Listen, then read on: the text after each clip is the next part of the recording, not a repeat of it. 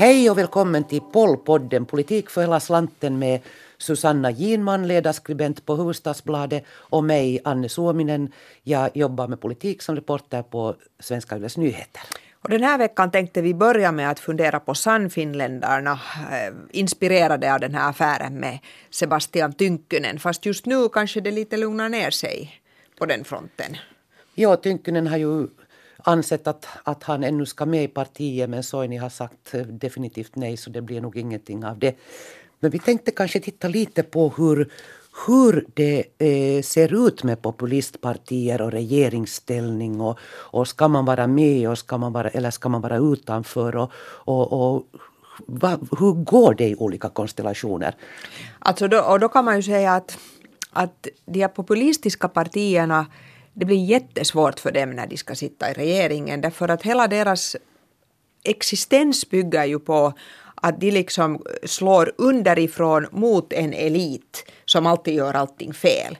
Och sitter man i regeringen så då är man ju en del av eliten. Så det blir liksom det blir per definition väldigt svårt. Mm, Anti-etablissemanget blir plötsligt en del av etablissemanget. Och, och här ser vi ju att eh, Sannfinland har väldigt svårt med det här. Men det är intressant om man tittar på på motsvarande, lite motsvarande partier i de andra nordiska länderna. Att vi har ju till exempel Fremskrittspartiet i Norge som sitter i regeringen. De fick det förra valet drygt 16 procent. Det var lite mindre än, än de hade fått i valet innan men trots det kom de med i regeringen med Höyre. Och eh, nu har de börjat tappa riktigt ordentligt. Vi hade kommunal och folketingsval, uh, vad heter det, landstingsval eh, alldeles nyligen i september i, i Norge. Där hade de väldigt svårt att få kandidater för att fältet gillar inte den politik de för i regeringen. Och de tappar också i, i valresultatet här riktigt ordentligt. Och du hade ju kollat upp lite vilka frågor de, de drev på före det var då folketingsval och vad regeringen sen har gjort. Och det hade också ganska mycket likheter med, med vår eh, situation jo, här i Finland. det har faktiskt. Alltså Sannfinländarna och Fremskrittspartiet är olika på flera punkter. De driver en lite annorlunda ekonomisk politik. Fremskrittspartiet vill till exempel Eh, banta ner den offentliga sektorn ganska ordentligt. Men sen har de många frågor där de kör precis samma linje som till exempel flyktingpolitiken, inga flyktingar. Nu senast har Fremskrittspartiet till exempel ansett att man ska införa språktest för fyraåriga flyktingbarn. Och att, eh, att eh, en invandrare ska jobba och betala skatt i tio år innan man kan få ett medborgarskap. Så de har en ganska frän linje. Och förstås nu i den här flyktingkrisen så, så kör de väldigt hårt på att stänga gränser. Schengenavtalet borde upphävas helt enkelt för att man ska kunna stänga gränserna. Nå, de kör också, eh, de går mot biståndsanslag, de borde skäras ner. Före valet så, så ville de också sänka bilskatterna och allt det här. Nå, sen i regeringsställning så har de helt tvärtom varit med om att höja bilavgifterna. De har varit med om att höja vägtullarna som de har varit emot. Biståndet ligger på en högre nivå än någonsin tidigare i stort sett. De har varit emot, uh, vilja sänka licensfinansiering av, av det norska rundradiobolaget. Men det har tvärtom höjts i Norge. Och eh, det, det används mera pengar än någonsin på flyktingpolitik. Okej, det har ju förstås att göra med den här situationen. Men det här har nu fått deras väljare att riktigt ilskna till. Och det såg man då i kommunal och landstingsvalet.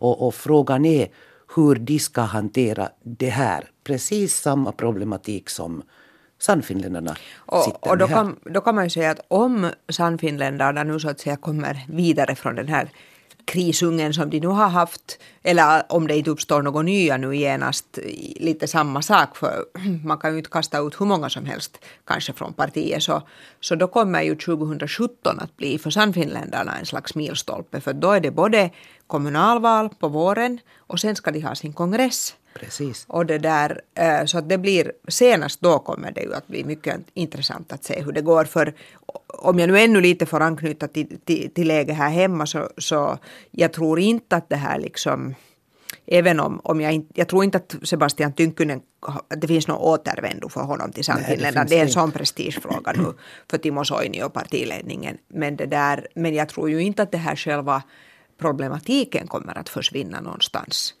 Nej, och när vi går till kommunalval 2017 så, så jag menar, Timo Soini har ju hela tiden sagt att uh, vänta bara när resultaten syns och uh, ekonomin börjar växa och arbetslösheten går ner och så här att, att det blir nog bra ännu. Men det hinner inte hända någonting egentligen fram till kommunalvalet annat än att alla de här nedskärningsbesluten uh, ska träda i kraft.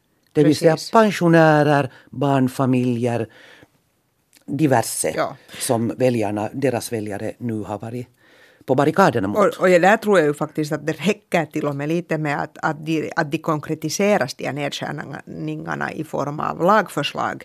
För då kommer också igen liksom riksdagsgruppen på ett annat sätt att måste konfronteras med dem. Och, och, och jag har förstått att det också inom riksdagsgruppen finns de som är väldigt oroliga och tycker liksom också att de blir nedtystade och att de får inte föra en öppen diskussion och sånt här. Så att, så att det, där finns nog en hel del dynamit. Ja, och, och nu har vi ju sett redan om vi tänker då lite framåt på kommunalvalet. Eh, för Fremskrittspartiet i Norge gick det så att de, de tappar representation i 33 kommuner helt och hållet. Också av den orsaken att de inte fick tillräckligt med kandidater. De hade inte kandidater i de här kommunerna. Eh, nu har vi sett redan att eh, sannfinländska förtroendevalda runt om i landet är ganska så upprörda över sättet man, eh, man slängde ut Tynkkynen på. Så att eh, de här kandidaterna ska börja vaskas fram så småningom ja. till kommunalvalet. Ja. Och det blir säkert inte så lätt. Och redan i höstas så stack ju vad heter han nu, alltså Veikko Hustis, René Husti, René Husti ja, en lite legendarisk ja. Eh, person när det gäller de här brödköerna och, och, och, att jobba för, för utslagna i Helsingfors.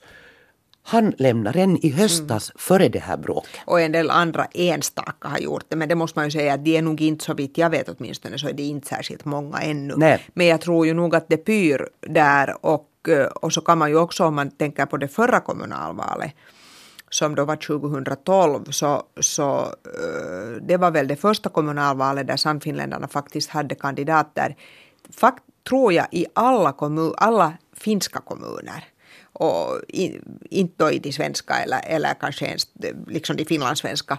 Men, det där, men då hade de kandidater i så, annars i, i, i så gott som hela landet och det är ju nog liksom en det är en förutsättning givetvis för att man ska klara sig. Mm. Så att det, ska bli, det ska bli intressant att se hur det går. Jag har ju alltså jag har ju på något sätt nog tippat att i något skede kommer de att lämna regeringen. Men, men inte ännu. Det är alldeles för tidigt förstås. Det är för tidigt. Nu skulle de sopas undan helt och hållet eller sopas ja. bort om det blev ett nyval nu. Ja, och dessutom så går det ju emot helt uppenbart liksom Timo Soinis stora vision. Eh, där det, jag menar, han har byggt upp det här partiet, han har så att säga fått det att bli så här stort, han har fört in det i regeringen, han har själv blivit minister och det är helt klart att det här är en, en dröm som går i uppfyllelse för honom. Men det som jag lite funderar över är att, att det är nu den drömmen och visionen, liksom, det verkar ju som den skulle vara viktigare för honom än hur det går för hans parti. Och, och det där är ju lite intressant att, att se ja. hur det blir. Men, men om vi ännu återgår till den här nordiska jämförelsen så kan man ju säga då att i Danmark finns ju det här Dansk Folkeparti och som också är ett, de har också blivit stora eh, med invandringsfientlighet. Och de växer. De, de växer. Just det. Och de har aldrig suttit i regeringen men de har flera gånger också nu varit ett stödparti för regeringen. Så det tycks vara då ett vinnande koncept. Ja, och den vägen har de då gjort den bedömningen och det, det, ser ut att stämma att de genom att vara det här stödpartiet så, så lyckas de påverka och vrida regeringspolitiken i en sån riktning de vill. Och detsamma ser man i Frankrike med Front National som också är ett slags stödparti. Den socialistledda regeringen där har en ganska hård attityd till invandring idag, som har hårdnat. Ja, kanske, de nu inte, kanske nu inte Front National är ett stödparti, men det, Nej, men, det är ett men hot. Det är ett stort och ett ja, hot. det är ett ja. hot mot, och, och, och, och det tycker jag, det märker man ju här också, att i de termer som man nu har diskuterat invandring under de senaste åren i Finland, så det är ju sådana termer som man aldrig skulle ha drömt om att användas i, fin, skulle användas i Finland i, en, eh, i diskussion, den offentliga diskussionen. Att visst har ju Sannfinländarna påverkat den här eh, liksom allmänna diskussionen och, och på något sätt flytta den kanske några steg eh, mot ett, ett, en, liksom en fientligare inställning mm. redan före vi hade den här uh, stora folkvandringen som, som vi nu ser till. Men det, det som jag skulle vilja lyfta upp här i det här sammanhanget är att att, äh, som jag faktiskt inte själv hade kommit att tänka på, men som Yrjö Rautio skrev i en kolumn i Helsingin Sanomat, att han påpekar att Socialdemokraterna har varit väldigt tysta, alltså våra egna Socialdemokrater har varit väldigt tysta och haft låg profil när det gäller den här flyktingfrågan. Och jo, jag har inte hört Antti Rinne säga någonting i den här frågan överhuvudtaget. Nej, jag tror inte faktiskt det heller. Att nu var det ju uppe när Finlands svenska socialdemokrater hade kongress och då tog de upp den här frågan. Men, men det här moderpartiet har nog haft en väldigt låg profil och, och, och Rautio befarar, och jag, jag befarar att han har rätt, att det beror på att Socialdemokraterna ser nu att nu går det då sämre för Sannfinländarna. Det kommer kanske tillbaks människor som har här emellanåt rösta på Sannfinländarna. Eller där sker i alla fall någonting som, som leder till att Sannfinländarna går ner och Socialdemokraterna har gått lite upp. Och det är man, är man väldigt mån om att den trafiken så att säga inte ska avbrytas. Precis, man lägger sig lågt nu och platt på sätt och vis inför Sannfinländarna. Och det är nog lite intressant om man ser, du, du nämnde finlandssvenska socialdemokraterna som hade kongress här nyligen, att eh, flyktingpolitiken diskuteras där. Det är finlandssvenskar, vi har Svenska folkpartiet som, som i opposition i riksdagen nu av oppositionspartierna egentligen det enda partiet som står upp och kritiserar regeringens flyktingpolitik. Att jag frågar mig här under vägen under hösten att eh, varför gör oppositionen inte gemensam sak i den här frågan? Och förklaringen är säkert eh, den att Socialdemokraterna nu är väldigt rädda för att störa just den här trafiken som du talar om.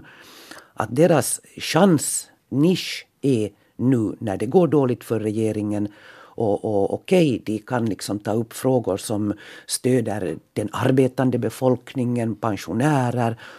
Men det finns också bland dem och på deras fält säkert idag, och har funnits sedan tidigare, många som är väldigt invandringskritiska. Ja, och det här, det här tycker jag på det sättet jag tycker att, det är lite fegt det här. Jag tycker också att det är lite fegt och det motsvarar inte eh, de socialdemokratiska traditionerna. Det har ju ändå varit en internationell rörelse som har betonat solidaritet och så här. Och jag menar visst finns de elementen ju kvar. Men jag tycker att det är illavarslande att man nu eh, håller tyst om, om den här frågan faktiskt. Att det där, och jag tror också att det är illavarslande i ett bredare perspektiv. För att vad Socialdemokraterna behöver nu är ju någon slags ganska grundligt internt arbete. Om man nu bara tror att man kan luta sig tillbaka och liksom hösta in eh, lite större eh, stöd i, i mätningar och kanske sen då i valet så missar man hela den här förnyelsen och jag tror inte att de kommer att klara sig på sikt om de inte gör ett sådant här ganska grundligt arbete. Mm. Men det har ju varit svårt för dem tidigare och, och det måste man ju säga att det har varit svårt för många andra socialdemokrater demokratiska partier också.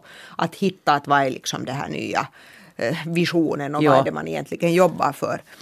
Men det kanske vi kan tala mer om en, en annan gång. Ja, men om vi ännu håller lite till oss till den här flyktingpolitiken så, så var ju Socialdemokraterna, de har ju hållit hårt på det här att vi ska hålla kvar den här behovsprövningen. Mm, när det gäller sådana som kommer och arbetar. För att jobba ja. hit och, och medan, medan till exempel då regeringspartierna och särskilt Samlingspartiet. Särskilt Samlingspartiet Ja. har velat häva den. Ja.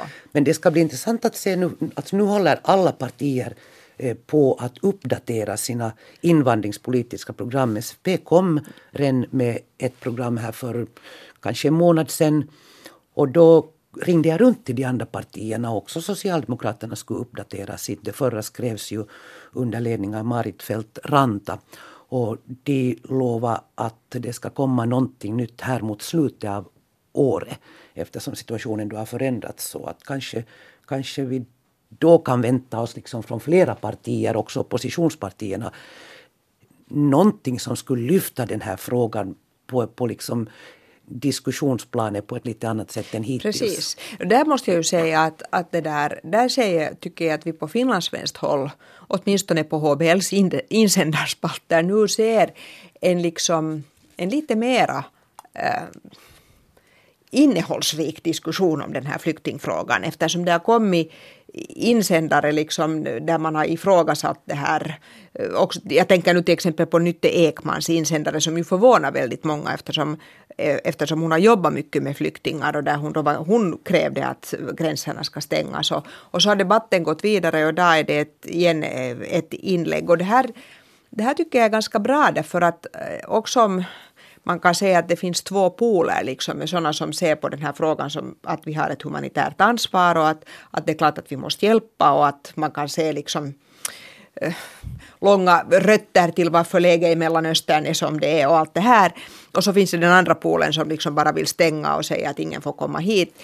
Så, så det blir en ganska ofruktbar och onyanserad diskussion om man bara håller sig till de här polerna. För det är ju helt klart att det finns en massa olika nyanser mellan de här och, och också om man anser att Finland ska ta sitt humanitära ansvar så finns det många frågor att diskutera, icke minst liksom det här att hur ska vi sköta den här integrationen, för det kommer ju att vara A och O.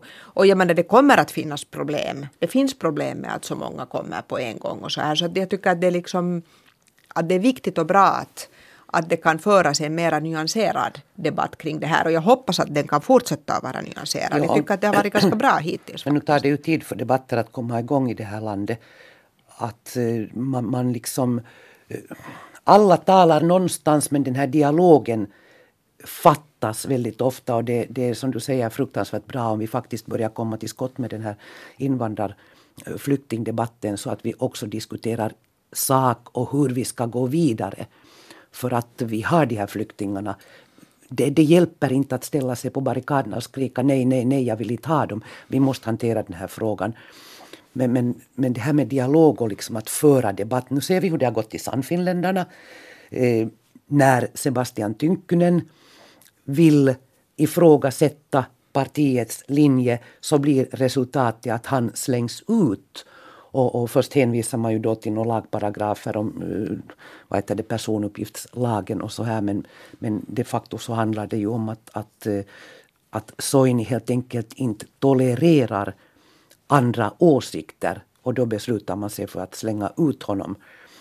Och, och det här eh, tycker jag, det här är nu Sannfinländarna men om man tittar på debatten överlag i det här landet så, så jämfört med Sverige så, så finns det ju inte en dialog om sakfrågor på riktigt. Nej, det, det är faktiskt jätte ledsamt och det, det är slående hur stor den här skillnaden är just mellan Sverige och Finland. För att i Finland är det ju så här att man genast börjar skjuta ner person istället för att diskutera sak.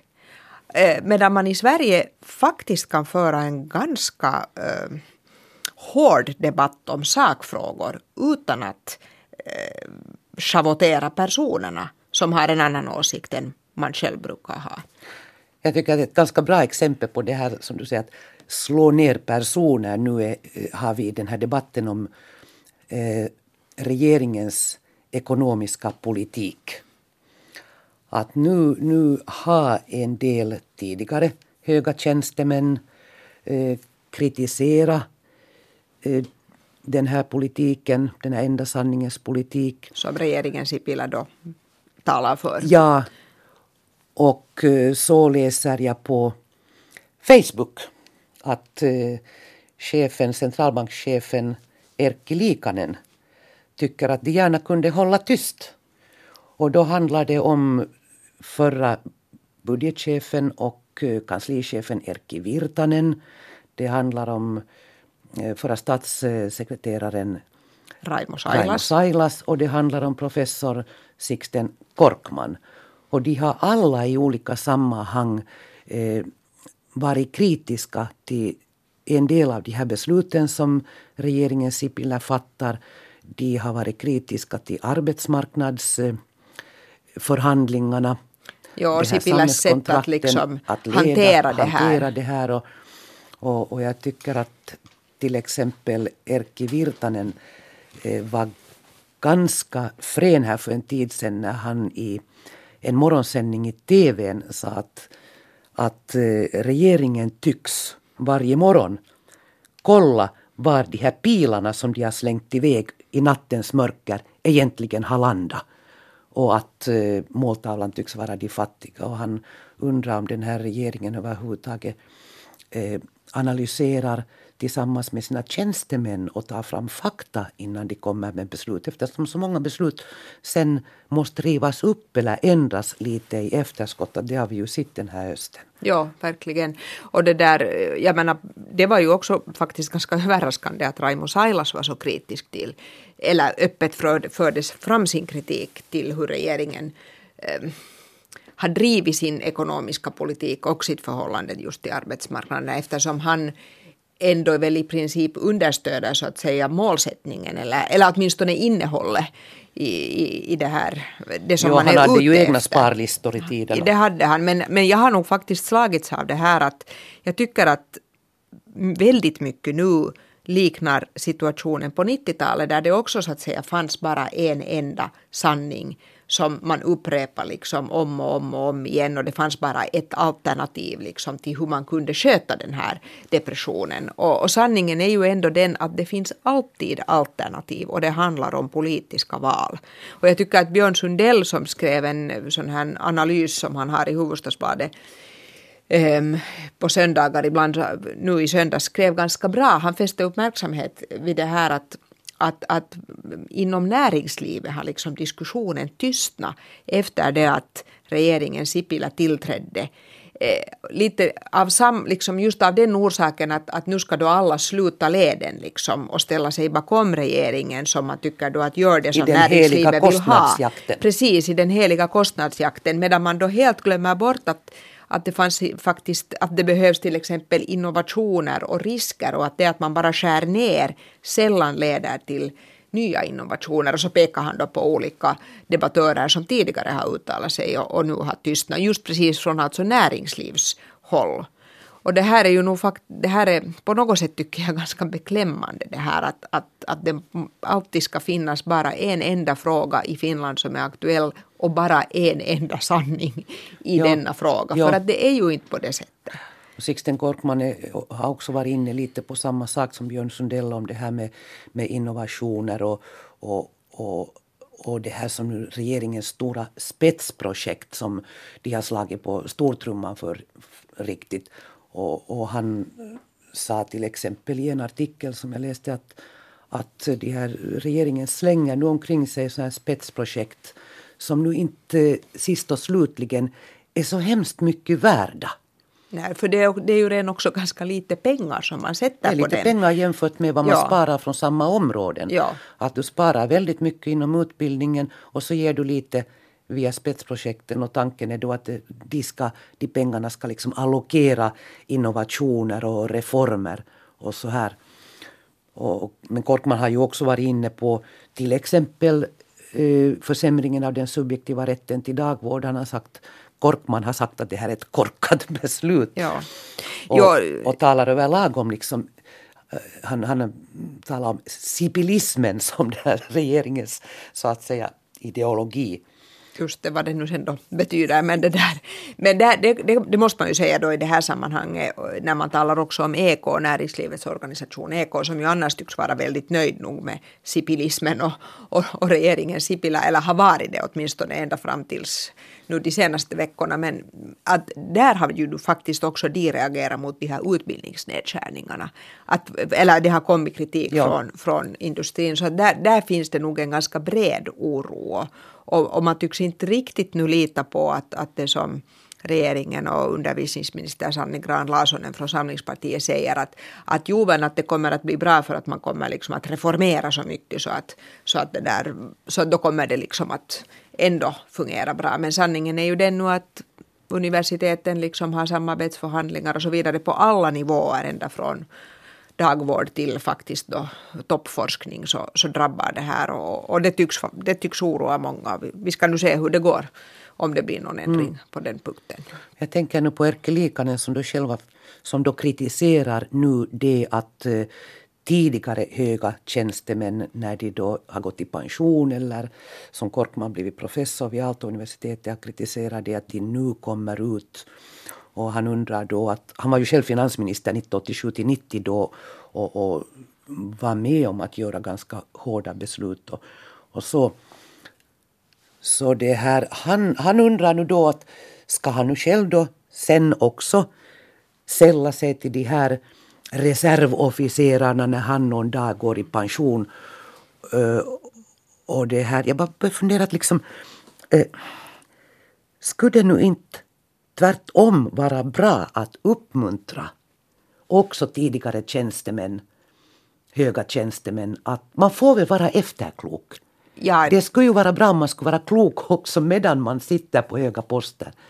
Men, men man får väl vara efterklok och man får väl liksom utnyttja sin erfarenhet för att menar, de har kanske också lärt sig någonting. Att alla beslut då gav inte så bra utdelning Nej. och att man därför borde titta lite noggrannare på det som uh, slängs ut nu, de beslut som görs nu. Att har de faktiskt effekt?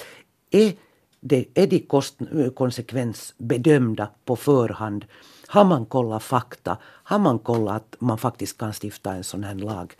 Det, det är ju sunt med en sån ja, diskussion. Alltså, det, det, är sunt med en sån diskussion och den där konsekvensbedömningen borde ju vara självklar. Jag kan inte förstå att, att man tycks sköta den så där dåligt. Men, jag, men jo, det är sunt med en sån diskussion och jag höll på, jag, jag tänkte så här att nu ska jag säga att, att ja, man måste ju förstå att så länge man är tjänsteman så kan man kanske inte gå ut uh, och liksom gå i clinch med regeringen. Men samtidigt inser jag ju att när, om jag säger så, så då, då liksom trycker jag ju också ner debatten. Att mm. var, varför skulle det nu inte egentligen kunna vara så att också en sittande tjänstemän ska kunna gå, eventuellt till och med också offentligt gå ut och säga liksom att man, man har sina dubier. Det tror jag inte att, jag tror inte i praktiken tror jag inte att det är möjligt, men, men jag tycker ju att det till och med kunde, borde, borde kunna vara möjligt. För att man har liksom en, ja, no, man har en erfarenhet och man har en position och, och, och, det är väldigt viktigt med den här beredningen. Men att åtminstone så måste man ju kunna göra den sen då när man inte är bunden liksom av sådana här lojaliteter som man kanske då är medan man är regeringstjänsteman. Att inte förstår jag heller varför man ska lägga locket på, utan tvärtom så borde man ju som väl en, en del också gjorde eh, uppmuntra likanen att sätta igång och debattera bara. Ja, en centralbankschef har kanske lite svårt att gå ut och ge. Det var faktiskt eh, ordföranden det fördes en, en, diskussion på Facebook efter att Likanen hade öst lite spyor över Korkman, Virtanen och Sailas. Eh, där till exempel ordföranden för Pressens opinionsnämnd Nej, vänta nu, vad heter jo, det? Jo, jo, det, nej, det heter, det heter massmediernas Opinionsnämnden för massmedia Precis, heter det. Ursäkta. tack så heter jo. det. Risto Uimonen. Han uh, skrev där på Facebook att kan du nu inte Erkki själv ge lite fler intervjuer eftersom du tycks vara nu upprörd över att de här är så hemskt uh, tillgängliga för medierna och så gärna ger intervjuer. Men, men en centralbankschef kanske ändå inte men det beror ju lite på hur man gör. Jag menar, mm. nu, kan, tycker att man måste kunna diskutera principer och sånt. Mm också om man är centralbankschef. Det är klart att man kan inte kanske, det finns säkert saker som man inte kan gå in och säga så mycket om, men, men men, det, men annat så måste man väl kunna kanske ändå mm. delta i. Att, att vi behöver nog mera debatt faktiskt ja. än, än mindre. Nu, nu kan man ju hoppas då bara att det blir en, en vettig och givande debatt när oppositionspartierna ett efter annat nu kommer med sina skuggbudgetar. Precis. Nu har de gröna kommit ut med sin. Och KD, och KD har kommit. har kommit. SFP jobbar hårt på sin har vi förstått. också Socialdemokraterna och Vänsterförbundet kommer och de ska debatteras då i riksdagen den 18 november. Precis. Och där har vi ju nu haft ett sånt system i ganska många år redan att, att de kan jobba med sina skuggbudgetar tillsammans med riksdagens eh, Informationstjänst. informationstjänst som då eh, står till tjänst med tjänstemän Och som kan räkna. ja. Och, och de här budgetarna, tidigare var det ju så att skuggbudgetar, det var liksom bara pengar, mera pengar hit och mera pengar dit och, och, och lite så här liksom propagandistiskt. Och ingen brydde sig så mycket. Men nu ska det ju göras, och görs faktiskt så, att de är i balans. Ja. Att vill de gröna ha mera pengar för bistånd, vill SFP ha mera pengar för pensionärerna, så ska de också visa på var man ska spara. Och de gröna ansåg ju nu till exempel att man kan ta lite mera skuld Ja. tillfälligt. Och sen vill, de ju, sen vill de väl också höja, ändra på beskattningen. För den här regeringens linje är ju mera, att... mera liksom progressivt eller ja, för och höginkomsttagare. regeringen vägrar att liksom eh, höja skatter. Så Ja. att det där, så och här, och där, där är väl den där liksom avgörande skillnaden skulle jag kunna tänka mig mellan regering och opposition. Ja, Att, åtminstone en del av Ja, precis, SFP en del av och oppositionen. Nej, det är sant. Du har rätt, nu tror jag lite för lite- hastigt svängarna Ja. här. Men- men- mellan vänsteroppositionen och de gröna i alla Ja. fall. Så, så det, Och det här är ju faktiskt eh, en chans att se alternativen. Precis. Uträknade alternativ som, som liksom kunde diskuteras betydligt mer än vad man brukar göra när de här skuggbudgetarna kommer. så det här kanske vi kan återkomma till om några veckor. Det får vi säkert tänka mig.